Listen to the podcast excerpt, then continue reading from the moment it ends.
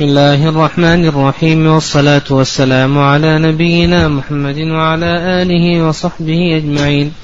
قال الإمام الحافظ رحمه الله تعالى وغفر له ولشيخنا والسامعين. أو بتغيير مع بقاء السياق فالمصحف والمحرف. ولا يجوز تعمد تغيير المتن بالنقص والمرادف إلا لعالم بما يحيل المعاني. فإن خفي المعنى احتيج إلى شرح الغريب وبيان المشكل. ثم الجهالة وسببها أن الراوي قد تكثر نقف على الجهالة لأنه سبب الرد إما المخالفة أو الجهالة. وذكر المؤلف رحمه الله تعالى خمسة أنواع تتعلق بالمخالفة الاضطراب والإدراج والقلب. وزيادة الراوي في نعم المدرج كذلك أيضا المقلوب والمزيد في متصل الأسانيد والمضطرب نعم والمصحف والمحرف هي تتعلق بالمخالفة. ثم بعد ذلك خمسة أنواع تتعلق بالجهالة. تقدم لنا بسم الله الرحمن الرحيم تقدم لنا المضطرب. وذكرنا تعريف الاضطراب وذكرنا أيضا ما يتعلق بشرط الاضطراب. وذكرنا أمثلة للاضطراب في السند وكذلك أيضا الاضطراب في المتن. وتقدم لنا أنه يشترط أن يكون الاضطراب قادحا يعني أن يوجد اختلاف قادح. فإن وجد اختلاف غير قادح فإنه اضطراب. مثال ذلك مثال ذلك يعني إذا وجد الاختلاف لكن هذا الاختلاف غير قادح لظهور الصواب فإنه لا اضطراب. مثال ذلك آه، ما جاء في السنن من من طريق أبي إسحاق عن أبي بردة عن أبي موسى أن النبي صلى الله عليه وسلم قال لا نكاح إلا بولي. هذا الحديث رواه سفيان وشعبة مرسلا.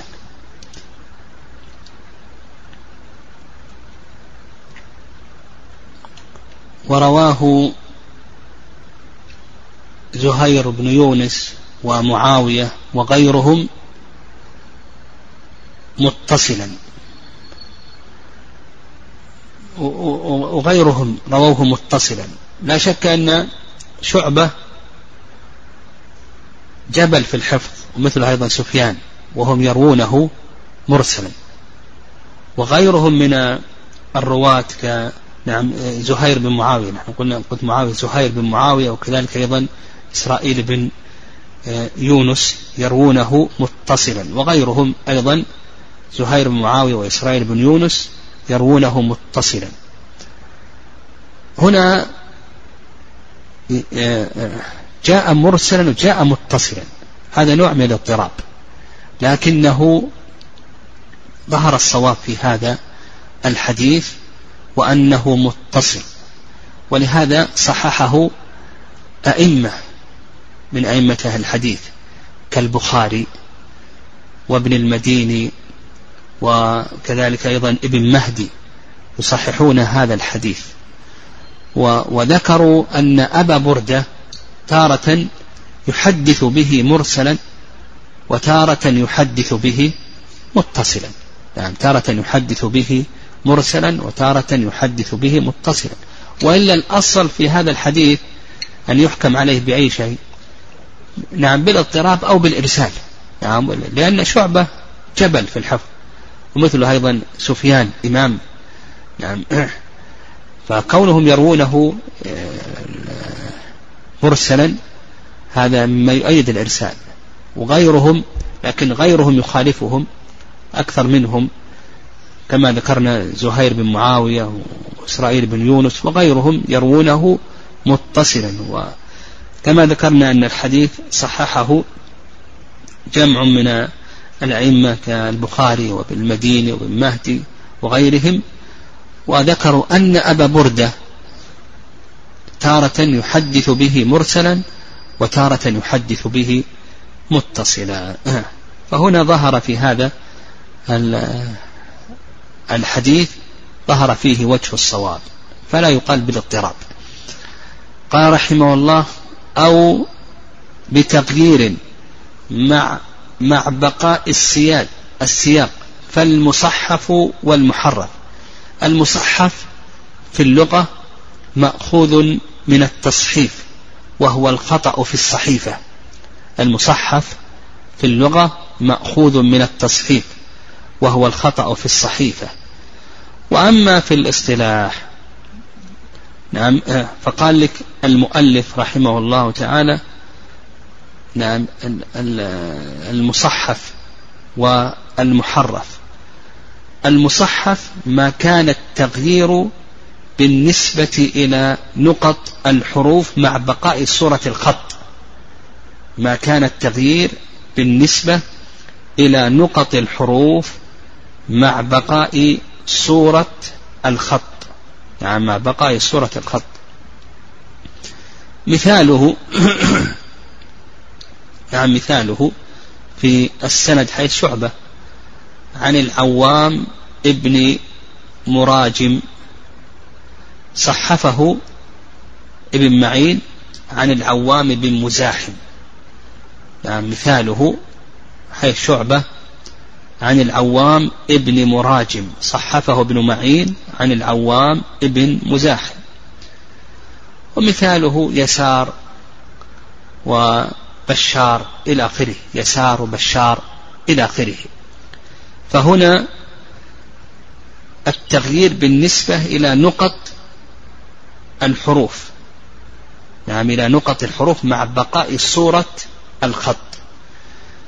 ومثاله في المتن نعم مثاله في المتن حديث احتجر الرسول صلى الله عليه وسلم في المسجد احتجم في المسجد نعم احتجر أو احتجم في المسجد. حيث زيد بن ثابت احتجر الرسول صلى الله عليه وسلم في المسجد صحفه باللهيعة احتجم في المسجد. طيب المحرف ما كان التغيير فيه بالنسبة إلى تشكيل الحروف مع بقاء صورة الخط ما كان التحريف فيه بالنسبة إلى تشكيل الحروف يعني شكل الحرف الشكل الموجود على الحرف مع بقاء صورة الخط. مثل عبيدة السلماني عبيدة ومثل بشير بشير إلى آخره. هنا التغيير بالنسبة إلى شكل الحرف مع بقاء صورة الحرف. هذا التصحيف والتحريف يعني هذا التصحيف والتحريف كما تقدم لنا تصحيف يتعلق بأي شيء؟ بنقط الحروف. والتحريف يتعلق بأي شيء؟ بالشكل يعني بالشكل هذا التصحيف والتحريف هذا لا لا يخل بضبط الراوي. نعم. اللهم إلا إذا كثر منه. نعم. إذا كثر منه فإنه يخل بضبطه إذا كثر منه. أيضا يقسمون التصحيف. نعم. التصحيف أيضا يقسمونه إلى تصحيف يعني بالنسبة للحاسة. يعني تصحيف يتعلق بالبصر وتصحيف يتعلق بالسمع. يعني تصحيف يتعلق بالبصر وتصحيف يتعلق بالسمع. مثاله مثال ما يتعلق بالبصر من صام رمضان وأتبعه ستا من شوال. صحفه بعض الرواة قال من صام رمضان وأتبعه شيئا من شوال. نعم شيئا من شوال. وأيضا يتعلق بالسمع مثاله. عاصم الأحول صحفه بعضهم قال عاصم الأحدب. نعم عاصم الأحدب. قال ولا يجوز تعمد تغيير المتن بالنقص والمرادف إلا لعالم بما يحيل المعاني. نعم تغيير المتن نعم رواية الحديث بالمعنى. نعم قال تغيير المتن بالمرادف يعني بالمعنى أو بالنقص بحيث يحذف بعض الكلمات من المتن. قال لك المؤلف رحمه الله لا يجوز. أولا رواية الحديث بالمعنى جمهور أهل العلم على جواز رواية الحديث بالمعنى. حتى قال السخاوي رحمه الله تعالى يكاد أن يكون الأمر إجماعا. يعني رواية الحديث بالمعنى هذه جائزة. لكن كما يعني هل هي جائزة ولا ليست جائزة؟ جماهير العلم على أنها جائزة واشترط المؤلف رحمه الله لها شرطا. كما ذكرنا أن السخاوي رحمه الله يقول يكاد أن يكون الأمر إجماعا ويدل لهذا. نعم يدل لهذا اختلاف الرواة. مثال ذلك حديث اعتدلوا في السجود ولا يبسط أحدكم ذراعيه انبساط الكلب. أيضا رواه بعض الرواة قال ولا يفترش أحدكم ذراعيه افتراش الكلب. أيضا حيث ابن عباس أمرت أن أسجد على سبعة أعظم في الصحيحين. في في البخاري أمرنا أن نسجد على سبعة أعظم. وفي النساء أمر النبي صلى الله عليه وسلم أن يسجد على سبعة أعظم. ففي النساء أمر النبي صلى الله عليه وسلم وفي صحيح البخاري في الصحيحين أمرت في صحيح البخاري أمرنا. نعم أمرنا. مما يدل على أن الراوي رواه بأي شيء بالمعنى. وهذا كما ذكرنا أنه يتفق عليه أو يكاد يكون إجماعا كما قال السخاوي. لكن قال لك المؤلف رحمه الله رواية الحديث بالمعنى أو بنقص شيء من متنه قال لك لا يجوز إلا لعالم بما يحيل المعاني.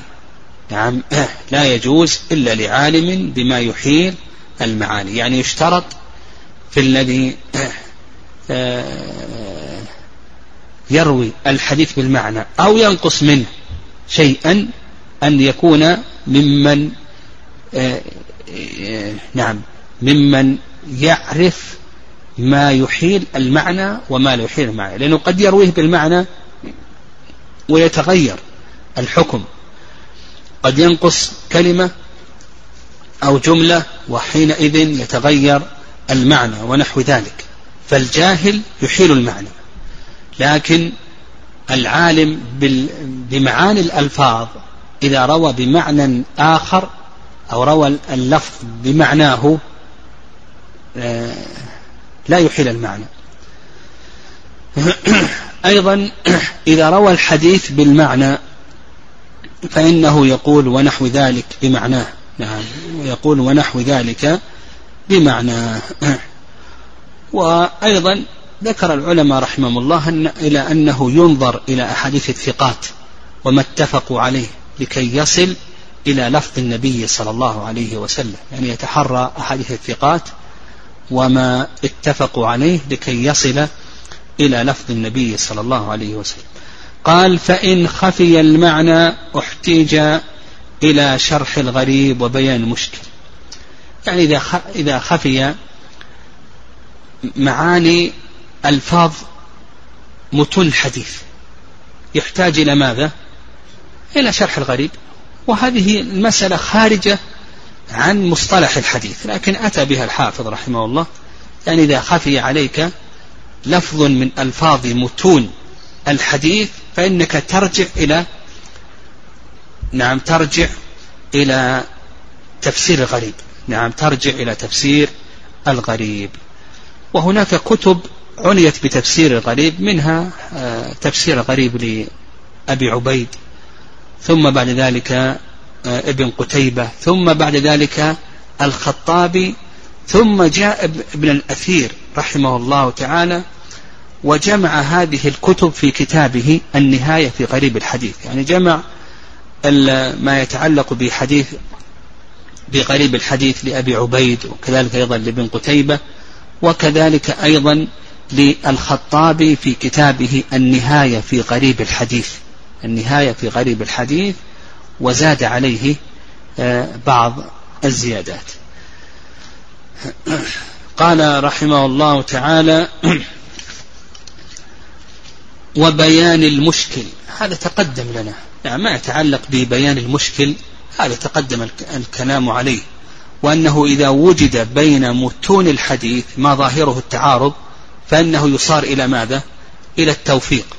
وذكرنا طرق التوفيق. نعم الطريق الأول الجمع. نعم الطريق الأول الجمع أن يجمع بين الحديثين. فإذا تمكنا من الجمع فإنه يصار إلى الجمع لأن إعمال الحديث أولى من إهماله. فإذا تمكنا من الجمع فإنه يصار إلى الجمع.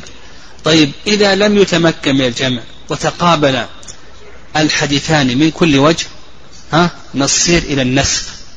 إذا عرفنا المتقدم من المتأخر فإن نصير إلى النسخ. طيب الحالة الثالثة إذا لم نعرف تقابل الدليلان ولم نعرف التاريخ فإننا نصير إلى الترجيح.